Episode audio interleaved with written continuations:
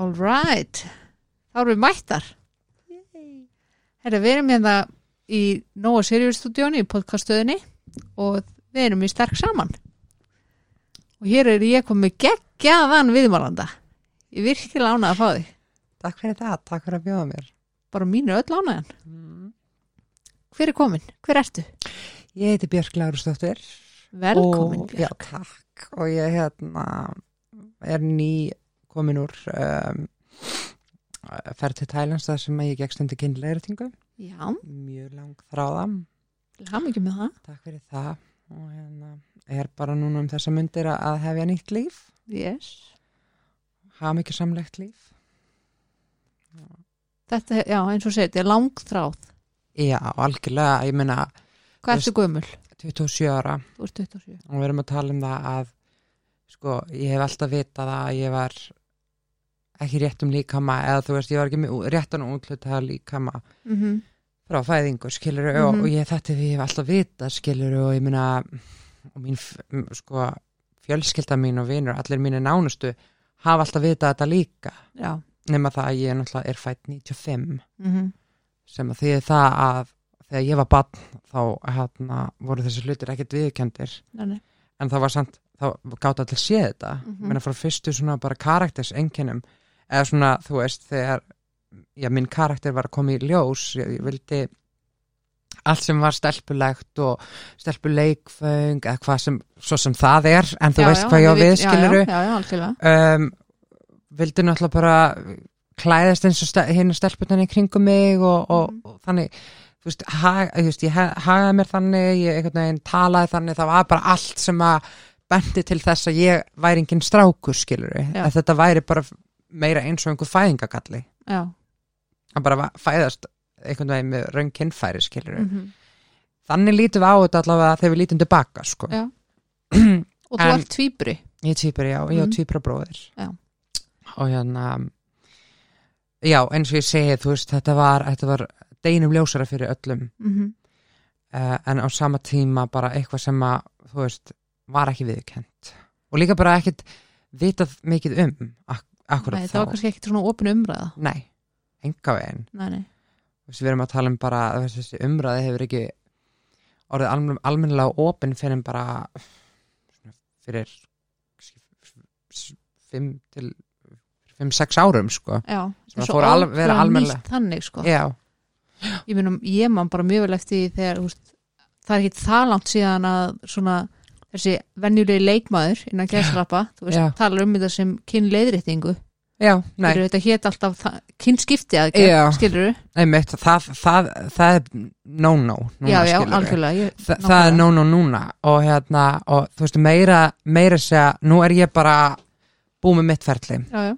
ég er bara, þú veist ég kom allir rétt, réttu partana skilur ég, þú veist, ég er með píku og Já, ég er með brjóst og ég þú veist, er búin að ganga í gegnum hormona með þær og það er Mhm. allt einhvern veginn orðið eins og það á að vera skilur eins mikið það getur orðið skilur að hérna, þá er ég bara núna nú er ég bara hann kona skilur og Bara sitjum hérna fram með, sko. Þú veist, þú er bara kona. Það er bara þannig.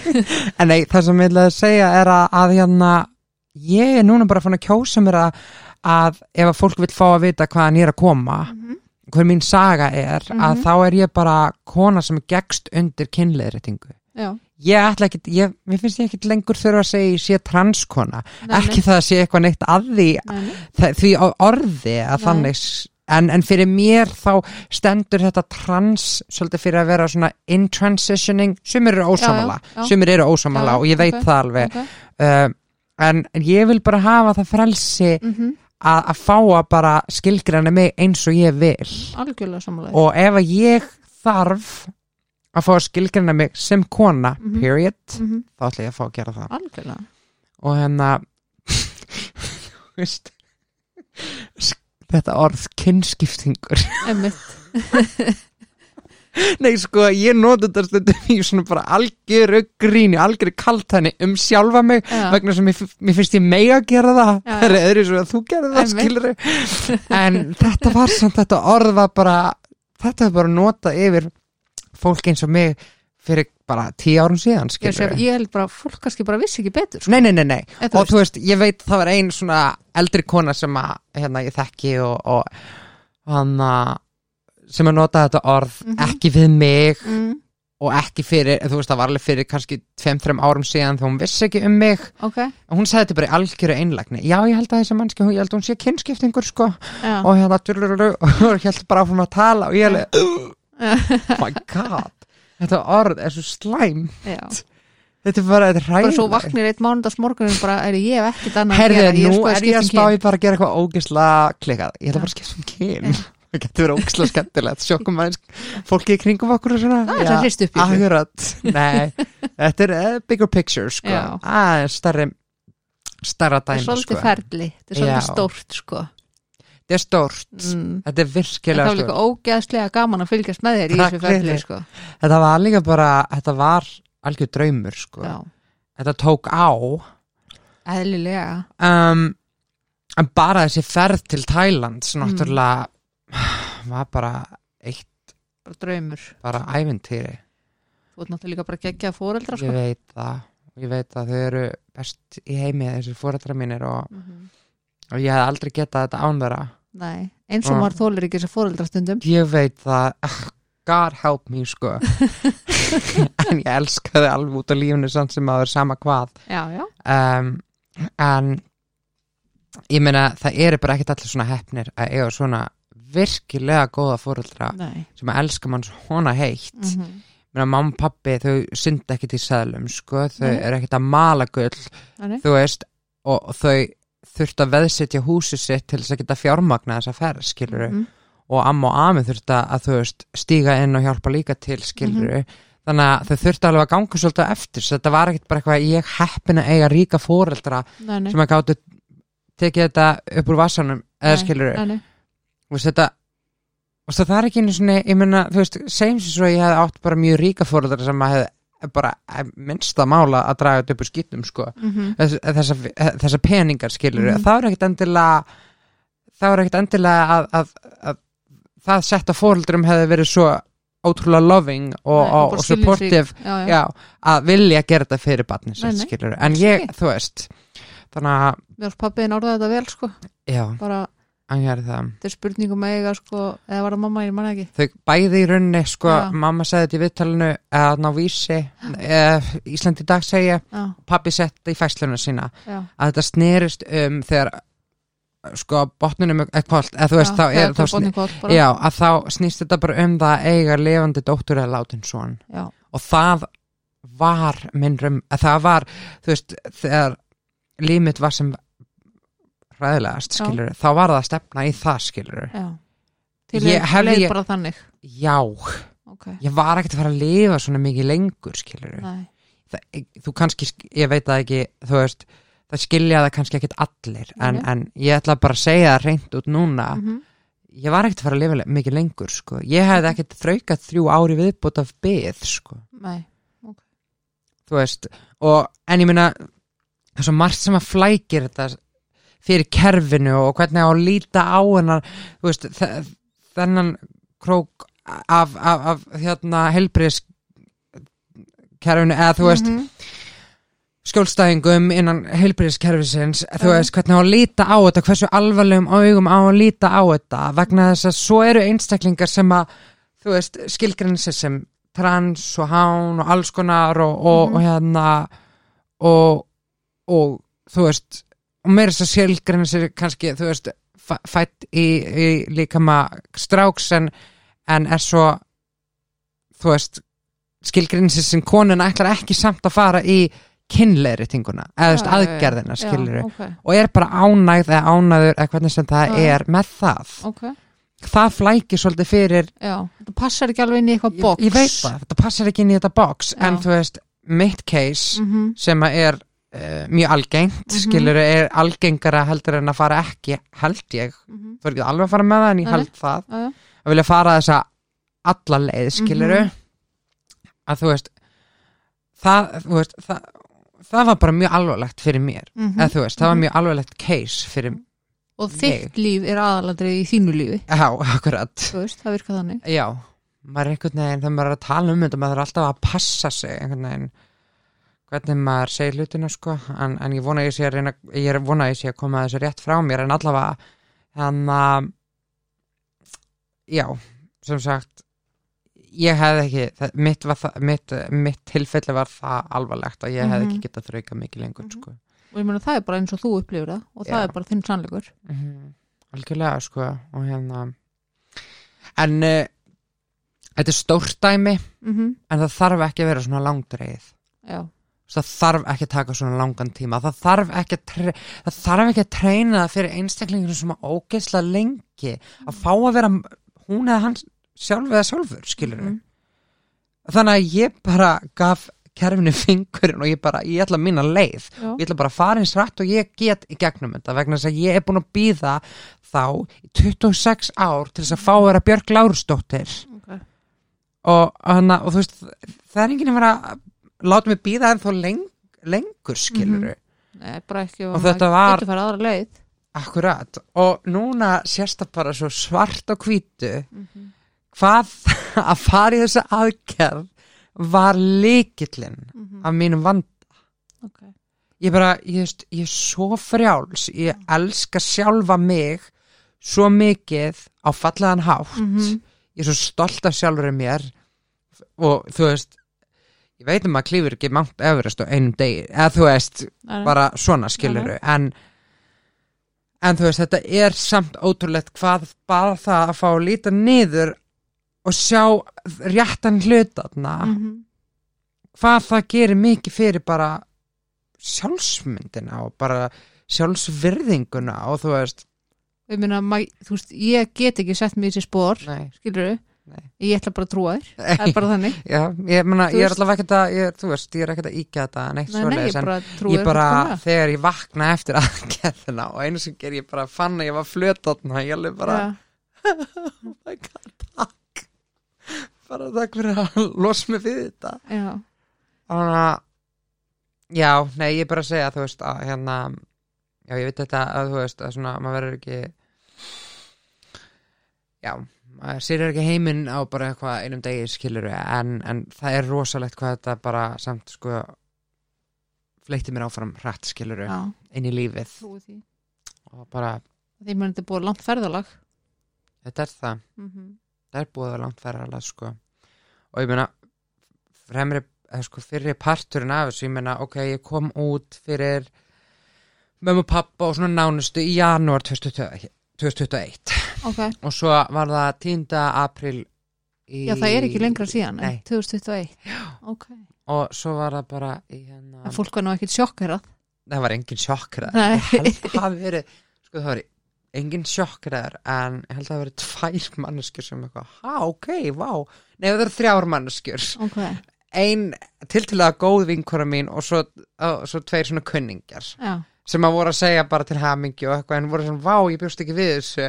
Allir aðri bara, vá, til hamingju bara loksins. Ok. og, og svo bara eitthvað, vá, hvað tók þetta? Þú veist, hvað tók þetta þeir svona langan tíma björk og alveg hérna skilur það voru þrýr einstaklingar sem var, ó, vá bjóst ekki við þessu, en, en þá eru að að tala um sko af 300 eða eitthvað skilur já, ok. Nei, ég segi svona, Já, þetta var það lítið já. brot en allavega, já, ég kom þarna 10. april inn á Facebook fyrir já, öllum heiminum, eða þú ok, veist já, já, ish. en hérna eh, þú veist, svo eftir það þetta var mjög erfiðu tími að vera einhverju greiningaferli hjá hérna transteiminu og landspítalunum, þú veist það voru átt að vera sex mánuðir tveir tímar hjá geðleikni og tveir tímar hjá sálfræðingi Hmm. til þess að fá grænilega og segja að fá að fara á hormón anyways, og Þetta þetta var sko manneskja. ekki beint eitthvað nú ætlum ég bara að vera svolítið seinskili með hvernig þetta var. Mhm, tímatinn hjá geðlækninum var basically bara eitthvað og hvernig klæðir þið eiginlega? Ertu byrjað að vera, ertu byrjað að gangi í brjóstahaldara? Ertu, í hvernig nærbuksum ertu? Uh, hvað, hva, ok, má ég spyrja einu hvað hefði gerst, hefði ég sagt ég geng bara um þau í boxers. Einmitt því að konur gera það ekki. Engar konur gera það sko. Og hérna pils, er gengur í pils og kjólum? Já, því að, því að allar konur gera það nefnilega. Þú veist, ég setja þetta á mótið þér og ég er bara í, er í peysu og íþrótaböksum þú veist Þetta er svo fáralegt bara ha, ef ég geng ekki pils ég gera það mega minni konu eða? Það er bara fullt af konu sem að vil ekki sjá pils eða kjóla. Ég er algjör kjólastelpa ég já. þeim fyrir því. En samt sem aður, þú veist þetta, var, þetta voru, Þetta voru tímyndan hjá geðlækninum. Hvernig klæður þið og hvernig málar og hvernig hi- hitt og þetta. Tveir tímannir hjá sálfræðingnum voru spurningalistar. Basically bara að sjá hvort ég væri með siðblind eða eitthvað.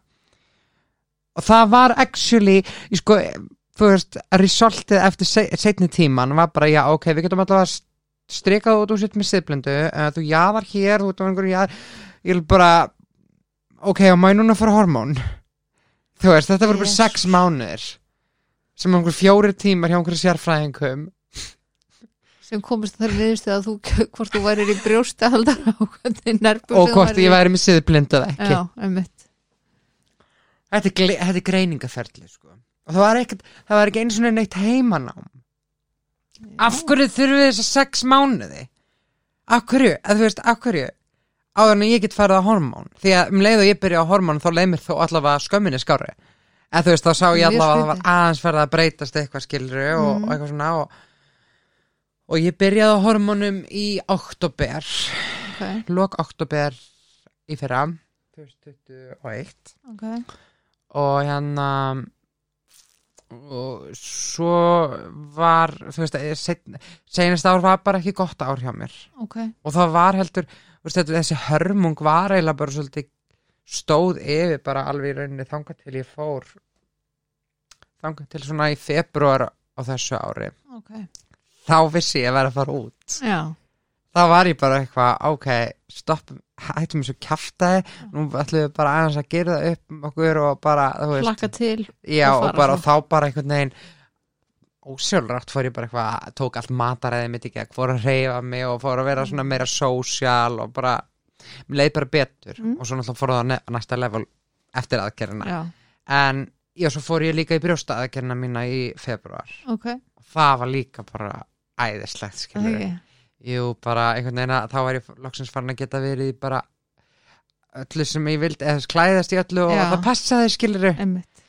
Og hérna en ég meina allt seinasta ár það var bara þú veist, ég leitist bara til dæmis út í mikla neyslu skiluru ok, bara alls konar bara til þess að deyfa sásökan og ég meiri sagði líka bara og það var náttúrulega sko það, það náttúrulega magnaðist alveg rosalega eftir þessi áföll ok segðu mér aðeins þú veist, bara svona í þínu lífi svona, Mhm. bara þegar þú varst yngri og kannski áður en þú kemur út Já. eða bara þú veist svona, þú átti alveg einhverja svona áfalla sögu já, já, já, já, já, algjörlega ég og meina, einhverja neyslu sögu og já, svona já, já, já ég meina, þú veist sem er eðlilegt svona, það er bara fullkomlega eðlilega já, sem við getum bara orðað þannig Já. skilur, algjörlega og ekkert bara eðlilegt, heldur bara líka mjög algengt mjög algengt mjög algengt, Já. sérstaklega hjá konum í mí- mínum hópi sko. já, það, er, það er bara eftir rannsóknum þá er það mjög já, já, algengt ég, sko. ég svo sem þekki fullt af rannsóknum sem Já. sína okkur þetta. Mm og mér finnst nefnilega mjög áhugavert að skoða þetta. Já, þú veist, bæði hjá sko samkynneigðum já, uh, þeir sem hérna skilgrina sig sem hérna trans mhm. og sem að skilgrina nú er ég mjög léli á sem skilgreiningum sko, ég viðkynna það. Þetta er rosa marga skilgreiningar. Þetta er það rosa, ég er ekki einu svona og rosa alveg- stutt síðan ég fekk bara svo mörg höfuhögg hann ég mani þetta ekki neitt. Ekki bara hjá hinsegin fólki, skulum við segja. Ok, þa það bjargar mér rosa mikið. Að það ekki? Jú. já, hjá hinsegin fólki er Já. neysla sko mjög algeng. Já, eða þú Já. mjög algeng. Það er, það er mjög já, algengt. og ég vil meina já, það er mín skoðun. Já, að það sé oft á tíðum til þess að sé oft flótti. Það er það það er ekkert annað en það allavega ekki, minn, ekki minni reynslu þannig Ég ég, þess vegna hef ég mikinn áhuga á því að þú veist til dæmis bara að skoða þetta Sko, ég náttúrulega, ok, ef við bara svona stiklum og stórum yfir líf mitt, Mhm. að þá var náttúrulega bara barnæskan líka mjög sorgleg. Ég Já. var mjög, ég var mjög, ég var mjög glatt barn, mm. hvað maður að segja, bara ég, ég var svona, um, veist, það geislaði alveg af mér sem bann, en ég var ekki hamingjusum samt, Mhm. ég var ekki ég var ekki ána með það hver ég þurfti að vera og hvað það var alltaf að vera að þrýsta mér inn í eitthvað ákveðið bóks, Já. skilur reyna Mamma- að láta það vera Já. strákur ekki það að mamma og pappi voru aldrei að því þannig séð Nei. þau leiðu mér alltaf að eiga eins margar dúkkur og ég vildi og vera í kjólunum heima fyrir og allt þetta nema þau fóru eftir ráðum einhvers barnasálsfræðing sem Mhm. þau fóru einhvern tímann að hitu út af mér sko Mhm. fóru að ræða mig og, og svona fórum eftir, fóru eftir ráðum hans eða hennar, ég veit ekki Já. allavega að, að vernda mig svolítið fyrir því uh, fyrir áreiti og fyrir svona Mhm. ofbeldi að vera ekki leiða mér að fara svona í skólan eða fara, vera svona út á við skilja, en Ok. leiða mér að vera svona heima ok, og þau bara gerðu það Já. og, og þú veist, ég elskaði fyrir það skilur, Mhm. þau voru bæði bara að vernda mig pluss það að bara reyna að gera það besta fyrir mig. Já, já. Og en þú veist ég var alltaf öðruvísi. Mm og þá, þú veist, ég meina þó svo, ég meina, ég, ég á tvíburabróður og hann var alltaf, til, hann var alltaf í saman bekk og ég og svona, var alltaf svolítið svona til þess að venda mig og fekk svona strákana í bekknum til þess að venda mig líka og, og ég var alltaf með stelpunum og, og þú veist, ég var alltaf bara í vinkunuhópnum og okkur svona skilur en þú veist, það voru alltaf eldri krakkar sem voru að stríða mér. Ok, og þú veist, bara eins og margir lenda í einelti skilur, Mhm. það var bara mín uh, skólaganga skilur, það var bara einelti eftir einelti eftir einelti. Ok. Það braut mig aldrei fyrir um svona á úlingsárunum vegna þess að þá tók þessi sko kynami eða svona eins og kallast ennsku gender dysphoria þegar þú ert Mm. bara virkilega farin að það er hrjá, að hrjáði hvernig líkaminn líkaminn er á skjön við hvernig þú upplifir þig. Mm að það, það bara fyrir á næsta level í kynþróskunum það er Já. bara röddin fyrir að djúfka dýfka segi og, -hmm. og, og, og fá hár í andliti og allt þetta skilur og, mm. hár og fætunar og eitthvað svona skilur og þá bara þá, þá bara þá var, þú veist, þá brotnaði ég skilur en þú veist já, barneska mín var ekki varst á þeim tímapunkti búin að átta þig á því að þú Já, er í röngu líka já, já, já, já, algjörlega. Ok, ok. Ég hef alltaf vita það en ég bara, ég, samt var það þannig gast kannski ekki komið orðum að því eða, já, þú veist, það var ekki það var engin fyrirmynd fyrir mig. Nei. Þú veist, það var bara það var einhver á, það ég man eftir því þegar Vala Grand kom einhver tíman fyrir. Já. og komið var í kastljósun eða eitthvað og ég eitthvað ha, er þetta Ah. hægt? Ok, oh my god. Og ég er bara, oh my god, þetta er bara svo ég. Ok. bara hérna skilur þegar ég var já, átta ára gömul eða eitthvað. Já, ok. Ég man alveg eftir þessu og hérna en svo bara fylgdi líka sko allt áriti sem hún var fyrir og hvað Já, hún já. var mikið djó já, já, og hvað hún var bara brandari ársins Mhm. sem er svo ógeðslega sorglegt. Já, já. Greiði konan að þurfa að hafa Mhm. díla við þetta. Mm alveg bara allt sitt líf skilur Mhm. greiði konan sko. En ég sá það líka skilur Já, og ég alveg bara æ, þú veist það er búið að stríða mig nóg mikið í þessu Já, líf já. hérna en ekki meira skilur já, já, akkurat. En ég, það, þá vissi ég að það var hægt. Mm en, en á sama tíma var alveg bara svona en er það even worth it? Já, einmitt. Þegar þetta er það slag. sem hún fær fyrir það skilur að vera bara brandari ásinn skilur sem hún var. Já, en jú, það var sem sagt, það var akkurat þetta, það var í rauninni bara ekkert ég var ekki minnina fyrir, það var ekki hægt að ég gat ekki vissi að ég verið stelpa og ég sagði það oft ég vil vera stelpa, ég vil vera stelpa ég man eftir að ég var í ballett mhm, og ég tók mesta tantrum frekjukars döðans þegar ég Mhm. fekk ekki vera prinsessan í leikritinu já. og ég þurfti að vera prinsinn. Æi, ég skildi þetta ekki ég bara ætlar í alvörun að fucking láta mig vera prinsinn. Skildi þetta ekki? Það var bara not fair. Þarna var ég sko, þarna var ég held ég bara fyrsta bekk eða eitthvað. Fyrsta öðrum bekk eða eitthvað. Og hérna en svo náttúrulega bara veist, ég man að ég var, þegar ég var úlingur þegar ég var svona í byrja, byrja í mentaskóla og okkur svoleiðis að það var ennþá bara, þú veist, valagrand mhm.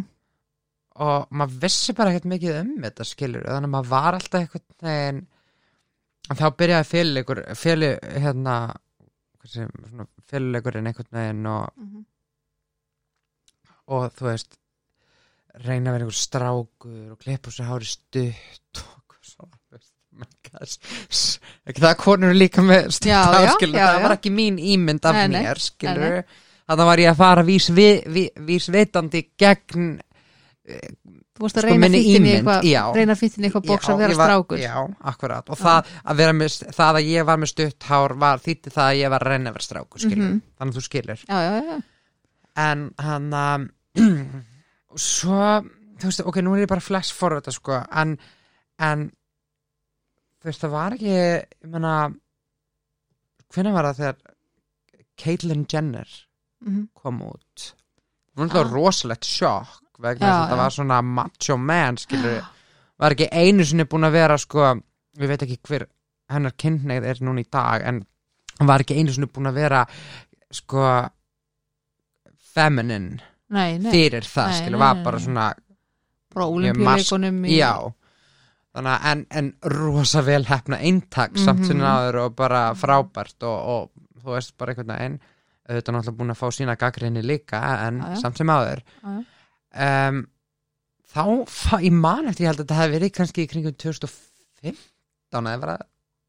2015, 2016 einhvern tíma Já, þegar það gerir en heimurum vaknaði samt svolítið við Já, já, Mér, þannig er það í minningunni Mhm. sko. og þá fór þetta orð svolítið að mýkjast upp og þú veist þetta var náttúrulega trans og dululu, ekki þú veist eitthvað kynnskiptingur eða, eða, eða klæðskiptingur eitthvað svona trashy orð Mhm. yfir þetta og, svo man ég bara eftir í að hérna um, til dæmis ágætt kunningjakona mín snætiserja Mhm. sem var svolítið stóra á um, Snapchat Mhm. Kringum sína kynlega aðgerð hér á landi sem Mhm. var um, um 2017-2018 Mhm. fór að fylgjast með henni og hún alltaf bara líka alveg glæsilegt eintak og, Mhm. og, og hérna ég leit svolítið upp til hennar og, og þá fór ég og það passar, það passar að akkurat í kringum þann tíma að reyndar aðeins fyrr þá fór ég bara svolítið meðvitað að klæða mig upp eins og ég vildi Ok. finna út svona, svona þú veist, byrja að leika mér aðeins með förðun og svona á sjálfa mig og, og svo leiðis Mhm. algjörlega í einrúmi sko Mm. en ég var samt, ég byrjaði þarna ég byrjaði á 2015-2016 að safna hári Ok. sem ég hafði ekki þúrað að gera alveg fyrir að ég var bara krakki sko þú veist, ég var alltaf með sítt hár sem bad Mhm. það til ég var svona 12 ára þá klifti ég á mér hár stutt Mhm. og var þannig alveg það til ég var tvítug og þá bara einhvern veginn, nei, heyrðu og þú veist, ég, ég man ég lifði mér það bara vegna þess að þá var að koma eitthvað í tísku að strákar vera með sítt hár, þá bara eitthvað greip það tækifæri og bara því að þetta er ekki einu sinni nóg sítt á mér, sko, Nei. ég ætla að vera Rapunzel, sko, ég ætla að vera Ok. Galadróða Ha, ha. Nei, ég segi svo. Allavega. En um, já, ég man að ég byrjaði að safna hári og eitthvað svona. Og ég, steg, ég fór bara svolítið, ég man eftir þessum tíð, ég fór bara svolítið að leifa mér að vera aðeins kvenlegri. Mhm. Og ég byrjaði meira þess að svo bara setna meir þá fór ég líka bara svolítið að nota pínu farða bara út af við bara til þess að aðeins að mýkja upp einhvern veginn Mhm. andlitið og eitthvað svoleiðis en, en þú veist ég var samt í augum annara alltaf bara þú veist eitthvað svona hommi eða skiluru en Ég ætlaði að mynda að spyrja þig, var þið tekið sem samkynnaðum strák? já í rauninni já, Já, ok. En, en svo núna þegar ég spyr vinkonu mínu bara þú veist því ég hataði það alltaf Ok. ég hata náttúrulega ekki samkenna Nei, nei. ég hataði að vera kölluð hommi Já. og bara eitthvað neginn bara því varst það ekki? af því ég var það ekki Já, já.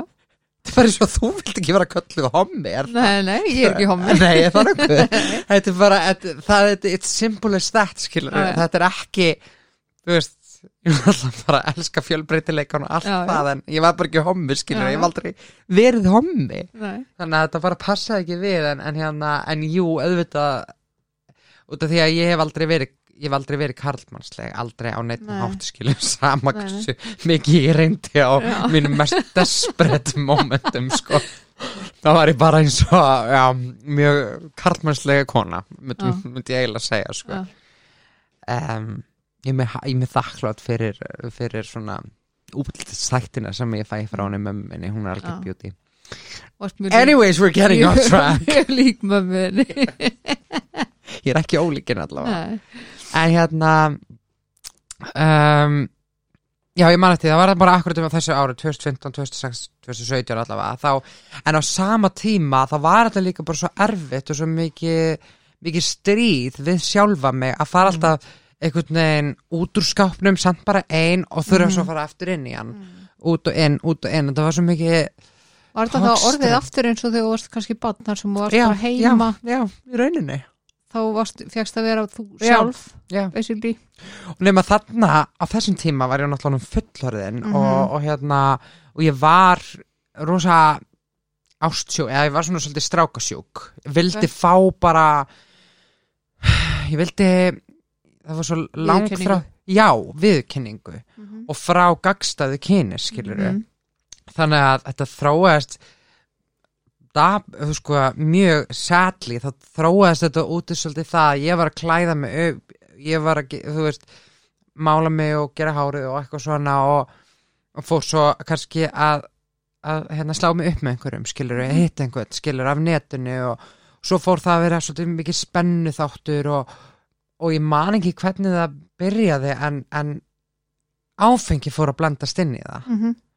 og þetta allt saman fór að vera einhvern veginn svona einhver, einhver svona flétta, sem, eða þú veist að fléttaðist allt einhvern veginn svona saman skilur Mhm. og þar til að ég var bara bara búin að þróa með mér svolítið svona bara svolítið fíkn sko Ok. og, og var komin í neyslu og hérna en þetta var kannski kringum 2017 svo hérna bara var allt í lagi 2018 var svo slæmt aftur 2019 þetta var bara all- alltaf back and forth back and forth, bara einhvern veginn. Ég að nota geðað mikið og svo ég aðeins að ég eitt og bara um sunn skiluru Mhm. og þú veist, ég notaði önnur efni líka en, en ég var aldrei ánetjaðist þeim aldrei skiluru, en Ok. allavega Er þetta þá líka kannski fíkn í einhvers konar áhættu hegðun Já, bara yfir já, höfuð? já, algjörlega. Já, já, já, já. Mhm. Það er alveg mikið fíkni þáttur af þessu sko Já, já. en hann um, svo 2020 það var svolítið mikilvægt ár í mínu lífi eins sorglegt og það var Mhm. að þá í byrjun árs 2020 þá var ég einhvern veginn út í ég var búin að fá svo mikið að höfnunum og sérstaklega frá strákum vegna þess að ég var ekki stelpa Mhm. að hérna og þarna var ég mjög einmanna þarna vildi ég bara þú veist ég var hann 25 ára þú veist ég var svona aldrei, aldrei búin að vera í neinu sambandi aldrei neitt eitthvað svona ekta í lífi mínu og ég eitthvað svona ok, nú verðum við bara að horfast í augur umveruleikan Mhm. þú fjekkst bara útlitað kyn sem karlmaður og við þurfum bara að vinna með það Mhm. og hérna, Og þú hafðir ekki áhuga á kvennmörn? nei Nei. við, ég vildi óska þess að ég hefði áhuga á hvernmennum Já, ég sé að þú veist, að því þarna ætlar bara að fara að vinna með það. já nei, ég var að fara að vinna með það að vera hommi Já, já, já, já, ok, ok, ok. En guð, ég vildi óska þess að ég væri- fyrir kvennfólk Það Já. myndi gera margt s- miklu léttar En allavega, Ég er ekki viss. ég veit það ekki Gef mér allavega að það vera bæn Skilur Já, það myndi stekka markaðin tölvört. Já, ætla það ekki Herðu, ekki, en allavega Nei, þá ætlaði ég samt sem áður út af því að Hommaheimurinn er líka svolítið brútal sko. Mhm. Hann er mjög brútal og, og hérna, það, þú þarft að vera bara svolítið, he- sko, svolítið ég meina það er svolítið þessi upp hérna sem að, að samkynniði menn nota og svona dating síður og eitthvað svolítið þetta er rosalega brútal hvernig, þú veist Ég hef heyrt það. það er rosalega Mhm. brútal og hérna, og útlistyrkunin alveg rosaleg, alveg rosaleg sko, Ok. Og það kemur svolítið óvart að hún útlistyrkunin sé svona mikil Meiri heldur en svona Já. almennt. Já, sko bara í svona lokuðu samfélagi karlmanna Já. einhvern veginn og maður, ég veit það ekki, fárlægt að hugsa en fárlægt að maður að segja það en það eins og maður, eðst, ég oft tengi útlýststyrkum meira við kvennfólk heldur en Já, já. karla Já, já. en það er bara ekki raunin skiluru Nei, ok. og sérstaklega ekki allavega í þessu tilfelli en allavega þú veist það var bara alltaf sagði ljóti hluti við mann en maður var ekki og nú karl, karlmannslega eða þú veist eða, eða nú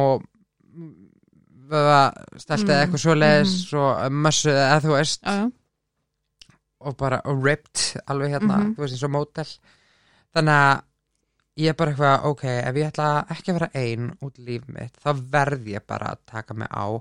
Og þannig var ég sko búin að vera með sítt hár sko, Já. alveg bara frá því hérna 2015 eða eitthvað, ég bara, heyrðu, við verum bara að raka þetta af klifti mig bara eitthvað úgeðslega einhverja gaur og var bara eitthvað alltaf í rektinni bara eitthvað að vinna í einhverjum brjóstkossum eitthvað alveg þvert á það sem hún vildi gera. Enga veginn bara, meikaði enga veginn sens og þú veist, ég var bara eitthvað að vinna í því að vera eitthvað mikill karlmaður. Og á sama tíma þá var bara litli mólar bara sálinni minni bara einhvern veginn að brotna skilu já. Þetta var bara, þetta var ekki rétt og, og að þú tíma, þráðir bara viðurkenningu. Já já. hann þráði í viðkenningu sadly vildi ég fá hana frá öðrum. Mm það er svo ekki raunin í dag sko. Gæti ekki verið meira skýtsama hvað öðrum finnst um mig. Já. það er bara einn manneskja sem að segja mig þú veist, það er bara ég, mín viðurkenning skilur en Mhm. Og þarna líka bara þurfti ég einhver rótæka breyting og ég ákvað að flytja til Danmörkur og þú veist, fara í burtu frá þessu skeri hérna er þetta bara svo slæmt eitthvað og ég, þú veist, flýja vandamáli sín. Veistu það það var bara ennþá fucking verra þegar afsakið var bara en það var bara ennþá verra þegar ég flytti til Danmörkur sko. já, það áða til að verða þannig sko, þegar maður flýr vandamáli sín til annar landa. Og ég bjóð þarna frá júni til lok november kem svo heim ég bara fór algjörlega á botnin algjörlega. En hvað gerist í Danmörku, akkur var það verra? Því að ég bara áttaði mig á því að það, þú veist, þú ferðast alltaf með sjálfa þig. Tekur hausiðin með þér? Já, það er oft vandinn skilur já, mjög oft. Ég held að ég geti verið að pakka björk niður í einhvern kassa og gemt hann heim í að mamma og pappa bara í hafnafyrði sko. Já, já, og svo geti ég farið að vera einhver gaur hérna út í út í Danmörku? Já That's not the case. Nei, Þannig að ég áttaði mig bara svolítið að því það, veist, Þetta var bara rosa Þetta var, bara, þetta var algjört dry spell sko. Þú veist, þetta var bara Það leit enginn við mér og sem að meika líka bara alveg sans það sem að ég hefði ekki sjálf litið við mér. Nei. Þú veist, bara þetta, þetta helst bara svolítið í hendur. Mm og þannig að allavega ég gefst upp á að vera þarna, veit ekkert hvað ég ætla að gera því ég kem heim, fer eitthvað inn á mömmu og pappa og bara fer í sama gýrin og áður þá meina ég bara alveg að drekka sorgur mínum og einangra mig og og bara gjössamlega missi allt úr böndunum sko. Þar til ég segi bara og ég var ekki eins og búin að ákveða þetta ég var ekki eins og búin að ég var ekki það var ekkert eitthvað svona þetta var ekkert premeditated eða neitt svoleiðis, ég bara fór eitthvað eitt kvöldi, ég var búin að vera eitthvað starf að djamma með vinkonum mínum og, eða ég man ekki hvað það var ég, ég man allavega að ég var í því sko, ég var full. Og ég fer upp á pappa og ég bara brotna niður og segi bara herri, ég er engin helvitis segi Já. eitthvað svona? Já. ég meina ekki þannig, skilur ég bara, ég segi eitthvað ég er ekki fucking samkynnaður karlmaður pappi, ég er stelpa. Já, og bara einhvern veginn frussa svo út um mér sko. Og svo bara daginn eftir mani eftir ég saði þetta við hann. En the word was out skilur þannig að ég ákvað bara heyrðu, ég ætla bara að halda mig við þetta. Mm. svo segi ég mömmu frá þessu. Og svo segi vinkonum og, og svo kolla kolli og, og það var það var svolítið erfitt fyrst. Mhm. og hérna en svo þegar ég fór að segja fleiri og fleiri og, og, sko undirtæk, eða þú veist viðbröðin voru alltaf svona góð og voru alltaf svona og veist, eins og ég, þegar ég segi degi tvíburabrófum mínum, Mm það var bara eitthvað veistu hvað hann sagði? Uh, já, ég veit það alveg sko. Þú Ah. vil aldrei vera neitt gaur. Það var best af öllu. Já, það var bestu viðbröðin og þú veist það gaf mér svo mikla viðklingu bara já, þetta er máli já. Bara, Þú veist ég vissi þetta allan tíman Já. Hérna Já, það var sem sagt bara, þú veist, það var bara þessi hræðileg tími út í Danmörku og svo líka þessi stutti tími sem að tók við það, þetta var alveg bara í rauninni, þetta var í rauninni bara desember. já, hérna heima Já, það sem ég var bara alveg, bara hérna, algjörlega út að, sko, svo bara fyrir ég að segja pappa, ég er ekki samkynnur strákur, ég, ég stelpa. mm. hvað sagði pappið? Ég man ekki alveg nógu vel, ég man bara eiginlega meira eftir mínum orðum, já, alveg vegna þess að, þú veist, við höfum oft, tal, eða veist, hann talaði um það, svo til, við mig út að ég var náttúrulega undir áhrifum því ég segja um þetta. en nú hefur samt svolítið flúið svona gegn tíðina flúið tilfinningarna eina kannski og svona líðanina eina hvað er það svona sem þú hefur verið að flýja? bara einhvern veginn ég veit ekki hvort þetta sé svona veist, ertu að meina þá þegar ég er að deyfa tilfinningar Mhm. mínar að það er bara svolítið einhvern veginn meira bara að gleyma raunveruleikanum Já, í smá já, og því að þegar ég allavega því ég lítið baka þarna og veist Mhm. þessum tíma þá var bara einhvern veginn raunveruleikin og, og þú veist veruleikin var bara svo ógislega grár og glataður og Mhm. ömurlegur en maður langaði bara aðeins að að fegra hann upp bara þó að það ekki væri ekki nema einu kvöldstund skilur Mhm. og aðeins að gleyma bara Mhm. Þetta var, ég get ekki alveg sagt auðvitað er þetta, jú, þetta er náttúrulega flótti undan Já, já. raunveruleikanum en já, það var meira bara svona svolítið að, gley, að fá að gleyma í smá já, já. og en svo náttúrulega bara byrja ferli mitt Mm. og það er ennþá bara pínu svolítið helvíti út af því að þarna er ég samt svo langt frá því að vera orðin björk Ok, en samt orðin björk mhm, þetta þetta er alveg skrítið að segja þetta Mm. Þú veist ég var komin út en, en, en mér leið samt einhvern veginn aldrei jafn fjarrri því að vera bara kona út af því að þú veist ég var ennþá með þetta stutta hár en ég var samt komin í einhver konu föt skilur og ég var bara oh my god ég er bara kallin í kjólnum. Ég bara tókslega ljótt að segja það en þetta svona sagði ég þetta skilur svona upplifi Já, ég þetta. Og þannig að þú veist ekki byrja á hormónum og allt þetta og en svo fór þetta svona smátt og smátt að tikka inn veist, Mhm. ég fór og, og fór mér neglur og svo fór ég og fekk mér hana augnhárlengingar, svo fekk ég mér hárlengingar og, og þetta fór alltaf svona pína mýkjast og mýkjast og, og mér fór að líða aðeins betur í eigin skinni skilur mhm, og svo var náttúrulega bara hana seinsta sumar sem að ég lendi tvisar í, í nöðgun og annars, annað tilfelli var náttúrulega líka bara 6 klukkutíma frelsisvefting Þú lendir því tvisvar síðasta sumar. Já. Lok um, hvernig var það? Aðfara nátt 23. júli og svo var það um kvöld 16. ágúst. Úf, Já. Þannig að um, og þetta, þú veist ég var búin að vera sko þetta frá því byrjun ferli, ferlisins að þá hérna tók við eða hjælt áfram eða í rauninni tók upp aftur svona ákveðna áhættu hefðun, hann fór ég að klæða mig upp og allt svona. Mhm, en var öðruvísi þetta skipti vegna þess að þá mátt alveg allur heiminn mynda það í skilur ok, og því var komin út. Ok.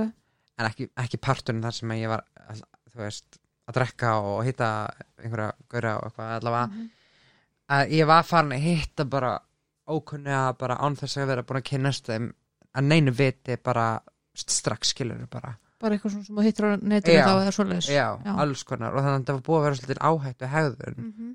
þetta er samt hins vegar aldrei Aldrei lagi. þólandunum að A- kenna Aldrei nei, nei. sama hversu mikill áhættu hegðun Nei, nei, bara Þannig að hún hefur verið í hversu ógeðslega drukkin eða dópuð einstaklingur hefur verið, ekki skiptir ekki máli. Aldrei, ég við erum sammála þar. Það er bara, það skiptir engum máli og það skiptir heldur engum máli hvort ég hafi verið kviknakin eða, eða sko klætt í kraftkalla sko, það Það skiptir engum máli. máli það er ekkert sem að gefur, þú veist, neinum leifi til þess að nöðga einhverjum. Aldrei. En hins vegar þá var þarna var ég rosalega óheppin eitt skipti þarna aðfarn á 23. júli Ok. Að það kom maður uh, ekki íslenskur Mhm. uh, veit ekki hvort hann hafi verið ferðamaður eða eða hvort hann sé bara búið hérna veit það bara ekki, veit ekki eins og hvað hann er en ég veit að útlitið hans gaf til kynna hann væri kannski einhver stað frá Austurlöndum. Ok, ekki það máli Nei, nei. en allavega. Hann að ég bara lendi illa í honum og, og hérna hann lofaði öllu fögrum hann ég áður hann kom sagði eitthvað svona þú veist já, hann var bara ógislega eiga góður að kvöldstund með þér og bara þú veist, þú er svo falleg og, dululu og eitthvað svona. Og hérna til þess að gera langur svo stutta þá býði hann um heim til mín og, og það var ekki nema bara sekundubróti eftir ég loka hörðinni að þá slæra hann mig og, úst, og kirkið mig og og bara rífur í hárið á mér og er bara svona ógistlegur bara er svona svolítið já, bara anstekkilegur sko.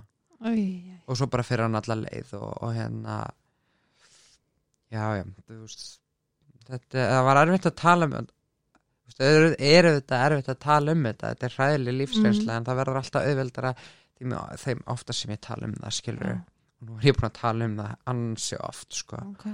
Þannig, að- en, En en erfitt eftir þetta sko þá sko ég hafði alveg lent í því að vera brotið á mér áður. Samt. Ok, oftar en einu sinni en þetta var þetta var á nýju leveli Mm. þetta var virkilega alvarlegt vegna þess að þetta var svo líkalega ofbeldi líka pluss það að það var í fyrsta skipti sem þetta gerðist eftir að ég kom út og var loksins orðin Björk Lárusdóttir Mm.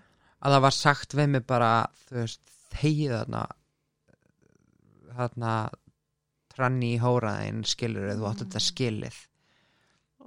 Hann Já, heitir líka, með- hann heitir líka svona haturs, hatuskleipur, Já, þetta er hatuskleipur já, ekkert annað skilur þannig að ástu, þetta var bara svo alltaf og ég kunni ekkert að vinna úr þessu, ég kunni ekkert að díla við þetta. Mhm. þú veist eftir að hann fer þá er ég frosin einhvern veginn hann bara í Mhm. rúminu og og svo ætla ég bara eitthvað einu sekunduna ætla ég að reyna að finna hann og, og, og hella mér yfir hann og aðra ætla ég að gera eitthvað allt annað en, en, en ég ætla samt að tala við hann skilur eitthvað nokkur klukkutími setna eftir ég er bara búin að vera frosin upp í rúmi að þá er hann horfinn bara mm. veit hann hvað hann gerði Mhm. og það var eins og þetta væri bara svona premeditated hjá honum já, eða þú veist þetta var, ætt, þetta, þetta var alltaf ætlunin hjá Já. honum bara á skipulagt já mm. og hérna og hann var búin að láta sig hverfa og ég ok, enginlega að finna að, veist, þú veist, finna út er en, en hann að þarna uh, mani eftir því ég, ég, þú veist, þegar þetta gerir þegar svona gerir, þá tekur það svolítið tíma oft fyrir þólandana átt þessi á hvað það er gerst Mhm. það tók mig bara að að minnst kosti tvo daga að átta mig hvað það er gerst bara meðtaka eða, eða ég rauninni geta bara sagt það kannski upp átt hvað hafi gerst Já. en eina sem að ég veist, eina sem að ég gat vitað var það að mér leið eins og ég væri brókslega skítug Mhm. ég var bara, ég man alveg eftir hvað hann sagði við mig skilur, Mhm. ég man, ég vissi að þetta væri ofböld og ég vissi, veist, hann hafi verið vondu við mig Mhm. og allt það en þú veist, ég, mér leið bara eins og bara eins og bara einhverjum useless hlut Mhm. þannig að þú veist, ég man bara eftir því ég fó bara, ég fór í styrtu og svo fór ég aðra styrtu, svo fór ég bara í þriðju styrtuna og var bara einhvern veginn að reyna þú veist að, skóla þetta af mér Mhm. sápa þetta af mér og svo bara gekk ég beinuslega í ríki og bara gjörsamlega heldi í mig Mhm. og það var ekki til þess að gleyma, það var ekki til þess að mikja tilfinningar eða neitt svo leiðis, veistu hver til, af hverju það var okkur það var bara vegna þess að ég vildi drekka það mikið svo ég er ekki með. Þetta er því þá, þá finn ég fyrir tilfinningunum mín Mhm. Ég vildi bara vera meðvitundalaus og það var markmið og ég var það bara. Mhm. svo vaknaði ég og ég held áfram það til ég var alltaf með, meðvitundalaus það til ég var búin að fara svo illa með mig í marga daga. Mhm. mætti ekki, mætti ekki vinnu. Ég lokaði, ég ég lokaði á alla í fjölskyldunum með alla vini. Það til að hérna, ég var bara komin í geðrof algjört geðrof ég, haf, ég bara vissi ekki hver raunveruleikun væri. Ég bara vissi ekki, þú veist, ég bara þú veist ég sá bara hluti inni hjá mér ég sá bara fólk inni hjá mér og bara ég vissi ekki hvað veist, hvað veri upp og hvað veri niður sko. ok þannig að þess vegna endaði ég inn á geðdeild sem betur fyrr Mhm. við minn almáttur ég hef bara dáið úr veist. þannig að það var einhver komið og já, ok, bróður minn kom ok eldri bróður minn. Ingi Já. hann kom og mamma og pappi voru sko, voru ekki bænum jú, svo var þetta dagur reyndar líka búin að aðeins að setja við mér vinkona mín var eitthvað aðeins búin að setja við mér. Þess, þetta byrjaði ég man ekki alveg hvernig þetta var þetta byrjaði jú eitthvað heima hjá mér. Svo tók ég mig breyki bara einhvern einn eða tvo, da, einn eða tvo daga eða eitthvað. Þar sem ég var samt bara ekki alveg með. Mhm. með, að, veist, með á nótunum sko. og svo bara held ég áfram eftir að já ég var komin heim til með og pappa þau ætluðu bara að taka mig heim í einhvers konar svona þurrkví. Mm. svo mætti ég aftur í vinnu var eitthvað svona aðeins búin að segja svona veikli frá því hvað hefði gest og bara eitthvað svona það var bara svona, þú veist sínt í skil, bara skilningur og svo bara fóru mamma og pappi þarna eitthvað út úr bænum og leiði mér að vera heimi hjá sér og þá held ég áfram, já. Já, og þá kom akkur að dagur tvíbrabróður minn og satt eitthvað yfir mér, vinkonu mín kom eitthvað ég man eiginlega samt ekkert eftir því sko. Mhm, ég man eftir ákveðnum svona flash eða það komið svona flashes mhm, af þeim aðna en, en svo senast að daginn þetta, voru, þetta var bara heil vika eða eitthvað sem þetta stóði við sko. Já, og hérna þá kom stórubráður minn og bara kefti mér upp og bara erðu inn og geða til núna. Já.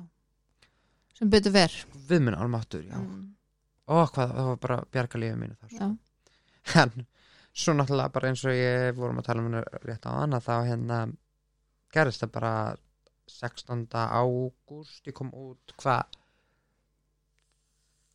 nei, já, ég kom út af gæðdeild 16. ágúst ok og þetta gerðist 18. ágúst setnaskipti þá var svo sagt maður sem ég hefði verið að hitta nokkur sinnum uh, um vorið ok, í fyrra. Mm. og þetta var í ágúst. Já. og hérna það var maður sem að ég sá bara mjög snemma væri bad news. Ok. Hann væri, hann væri bara eitthvað skrítinn og væri eitthvað svona pínu geðugur hann að ég lokaði á hann. Ok, og hann var greinlega búin að reyna að klóra sinni í líf mitt alveg, alveg síðan þá. Mm. og kemur þarna heim til þín. Tíu leitið já, heim til í mína íbúð. Mm. 18. ágúst og brýtur upp hurðina hjá mér. Og Mm. bara, brýst inn til þín. Já.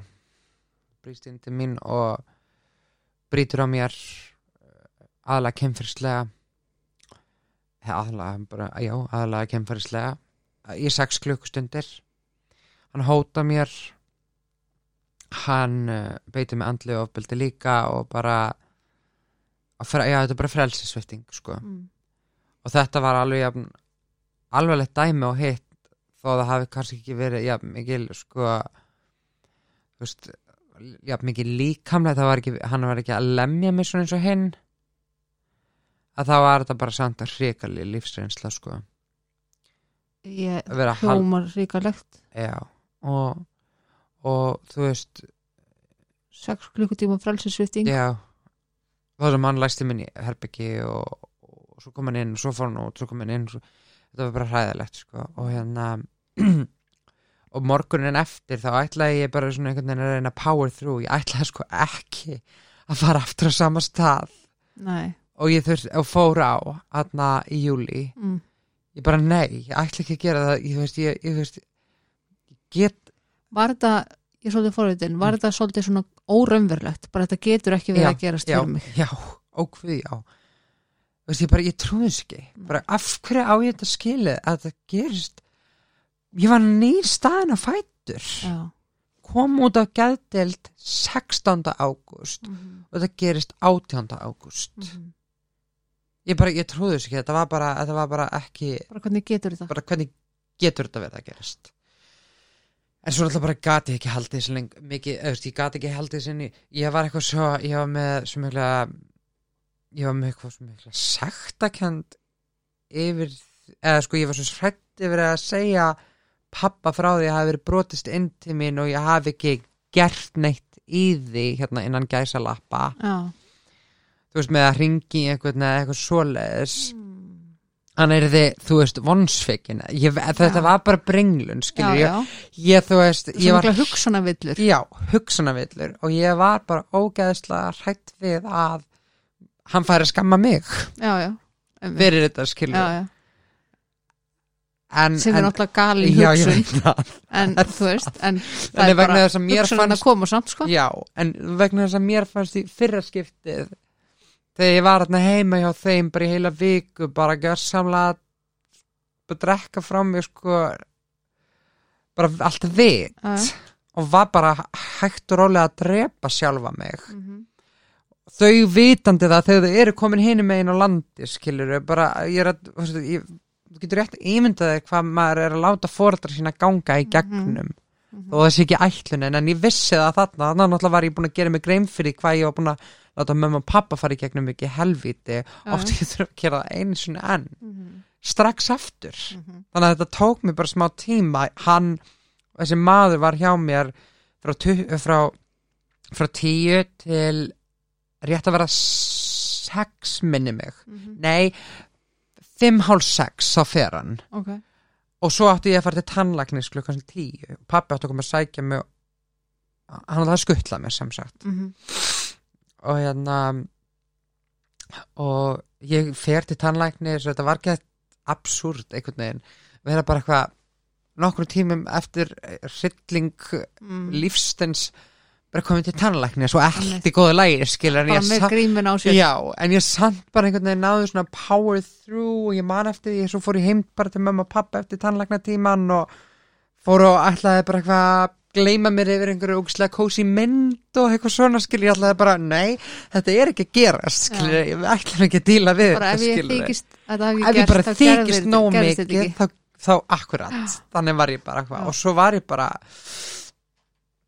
sprakk bara, ég gat ekki haldið þessu en ég sagði pappa frá þessu og hann bara ringdi í lauruglana um leið. Lauruglan kom heim til mamma og pappa og skammaði þig ekki? Skammaði mig ekki nei.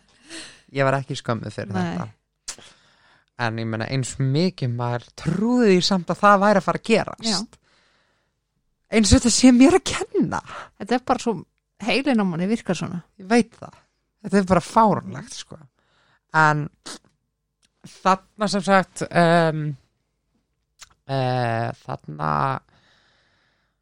ákvað ég bara að sleppa svolítið tökunum. Þetta, þetta, þetta var bara ógeðslega ósangjart hvernig lífið var að fara með mig akkurat þessum tímabundi en s- í staðin fyrir að fara í eitthvað rugl og fara að drekka eh, sínum sorgum og, og eitthvað svona þá Mhm. bara ég vil bara geta komist, ég sagði við lögreglumennina ég vil bara geta komist inn og geðdelt aftur. Mhm.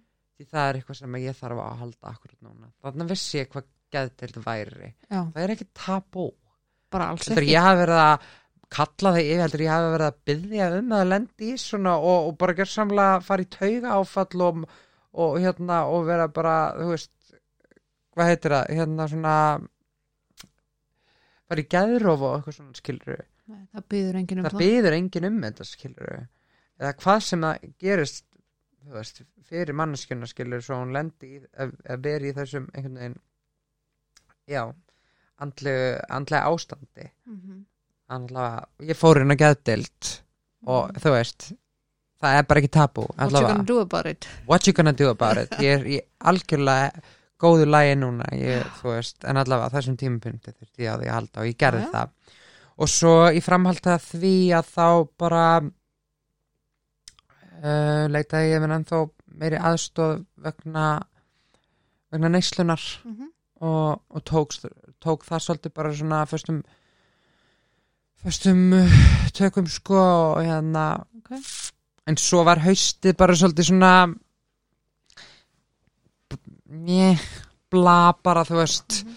ég var hérna í einhverju áfalla meðferð og eitthvað svona skilur, jú, ég er náttúrulega bara þú veist ég komst aðeins bara aftur á fætur og eitthvað svoleiðis og svo var bara, veist, haustið og jólin, þetta var bara mér leiði ekkert vel mig vegna þess að þarna vissi ég ekki að kynleiðréttingar aðgerð varði handa við hotnið Mhm.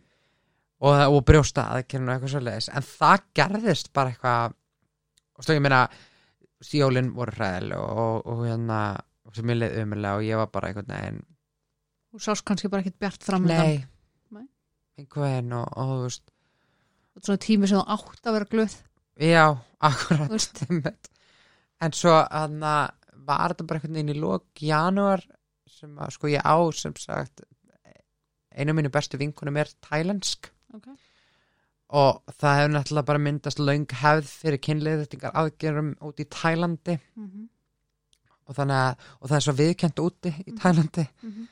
að hérna hún bara rétt einhvern veginn fram eh, hjálpar hönd sína að reyna að finna út úr einhverjum úræðum fyrir mig hérna úti Ok. Fór að leita spítalum og, og einhverjum læknum og eitthvað svona og hérna og út af því hún sá það bara hvað þetta var að kvelja mig Mm. að veit ekki neitt. Jú ég var komin á hormón then what, skilur jú, jú, ég gæti alveg farið í aðgerð hérna brjóstaðgerð hérna heima og eitthvað svona og ég var að stefna að því en það var samt ekki nóg. En svo bara eitt leita öðru og það var bara, þá erum við bara komin hérna í byrjun februar og mm, eða miðjan februar og eitthvað og þá er bara ég styttast í brjóstaðgerð og svo bara stuttu setna búið að staðfesta kynleirindingar aðgerð. Og þá bara einhvern veginn fór að stytta upp og sólinn fór að skína og, og þú veist ég fór bara að breytast hægt og rólega. Bara þúsund kíló farin af aukslunum my god, já. Og bara, svo var ég bara einhvern veginn mætti Thailands fjórum dögum setna þá var ég bara koma með píku yes, I said it. Vist það bara geðveikt. Já. og hann og það er bara það besta sem hefur komið fyrir mig. Já. það er því svo er svo En finnst þér, þú veist að því núna ertu búin að gangi í gegnum já, bara helvíti, Já. skilur það er bara þannig, ég ætla bara að leiða mér að segja það. Þetta er bara helviti sem ég Já. engegnum bara og þú er búin að gangi í gegnum ótrúlega erfið, erfið tímabil. Þú veist, þú er búin að vera í alls konar áhættu hegðun, þú er búin að fara í neyslu þú er búin að taka á neyslu, þú er búin að gera alls konar, skilur, búin að gangi í gegnum gleði tímabil líka já, Skilurðu? já, algjörlega. Um, er þetta það sem að stendur upp úr lífunniðinu eins og staðan er í dag? Bara aðgerðin sem sagt eða, já, eða og bara það, bara, það sem að fylgir eftir já, aðgerðin þetta moment þetta var vendipunkt það, þú veist, þetta bara var bara- já, þetta var bara turning point sko. Þarna var bara öllu s- snúið við, sko. bara árétta bara losna við fokkin titlingin. Já got that fucker off me. Got that fucker off me. Shit hvað það er gott að segja sko, algjörlega. Eitthvað sem átti bara, átti aldrei að vera ég, ég eins og ég sagði í byrjun viðtalsir ég, þetta var ekkert annað en og ég líti ekkert á þetta nema bara eins og einhvern fæðingakalla vissur Já. það að þegar mamma gekk með og bróðum minn Mm. og þegar áttum við þetta kynin á tvíburónum þá var það stelp og strákur. Aha, já, og veistu hvað stelpun átt að heita? Björk. Já. Ég er ekki að grínast. Sýsti mín, eldri sýsti mín sem er eitthvað, hún hvað áttu 11 árum eldri en ég. Hún átti alltaf að heita Björk sko, og það er Björk var alltaf vist í einhverju rosa uppáhaldi hjá mömmu minni mm. og hérna alveg fyrir að hún var stelpa og svo ætluðu að skýra sýsti mína hérna Björk nema að svo bara eitthvað kemur hún í heiminn og það passar ekki við hann eða eitthvað, þannig að þau eitthvað ætla bara að skýra næstu stelpu eða fá Mm. aftur stelpu Björk og þarna, þú veist, svo náttúrulega kemur eldri bróður minn og þú veist, við vita það er strákur og svo er það bara, þú veist, þarna nýja árum setna bara stelpu og strákar tveipur á leiðinni. Þú veist. Bara fullkomið. Já, og það áttu bara stelpan sko, ættu bara að fá nafni Björk. Já, og þú manst alveg mitt nafn hérna áður fyrir, Já, ég já. ætla ekki að segja það og ég vil ekki að þú segir það heldur nei. en, það er náttúrulega Karlkins útgáðan á nafni já. og ég meina ég man eftir það er ástæðan okkur ég fekk það nafn sko. og ég meina ég man eftir þessi litlu barni. Já, og þú varst bara stelpa já, ég, þú veist, ég meina maður horfir bara á þau skömmul myndbend og eitthvað, þetta er bara fyndi þú veist, þetta er bara lítil stelpa með svolítið stutt hár já, í strákafötum. Strákafötum. Það er bara þannig. En já, veistu það Þetta bjargaði lífið mér Algjörlega. Sem er bara Já. dásanleg Og stu, ég er einhvern veginn Þú veist, ég kem heim og, og, og Þú veist, bláköldur raunveruleikin tekur aftur við manni En maður er samt bara eitthvað Yeah, whatever, þú veist ég Maður er ennþá með. Já, þú veist, maður er ennþá með bara eitthvað Reikningarnir er að hrannast upp Maður er að drykna í bara eitthvað Alls konar skuldum og eitthvað og það er bara venjulegt já, já, hinir. og þú veist það bara það skiptir ykkur máli en bara svo hamingjusum sko og hérna og þú veist, ég eins og ég segi, sko, ég er búin að láta ég er búin að leggja skærar á hilluna. Þú veist, þú náttúrulega lærið hársnýrti og hérna það var svolítið þungbær skref að, taka það ákvörðin að hætta í hári vegna að ég bara, ég gata ekki lengur. Ok, út af bara áreitinu sem ég var svolítið að fá. Ok. Ekkit, fólk var ekkert að reyna að vera dónalegt en það var bara of mikið af spurningum. Og það var Ok. aðeins svo mikið af hvað ég að segja þú veist allt þetta. Já, ok, og sérstaklega frá bara mínum kunnum sem voru búin að þekka aðra mannesku einhvern Mhm. veginn. ok. Allavega þetta var bara alls konar Já, blanda af einhverju og ég bara, ég meikaði þetta ekki. Og núna er ég bara, þú veist, komin í gamla vinnu sem ég var að vi- vinna alltaf með.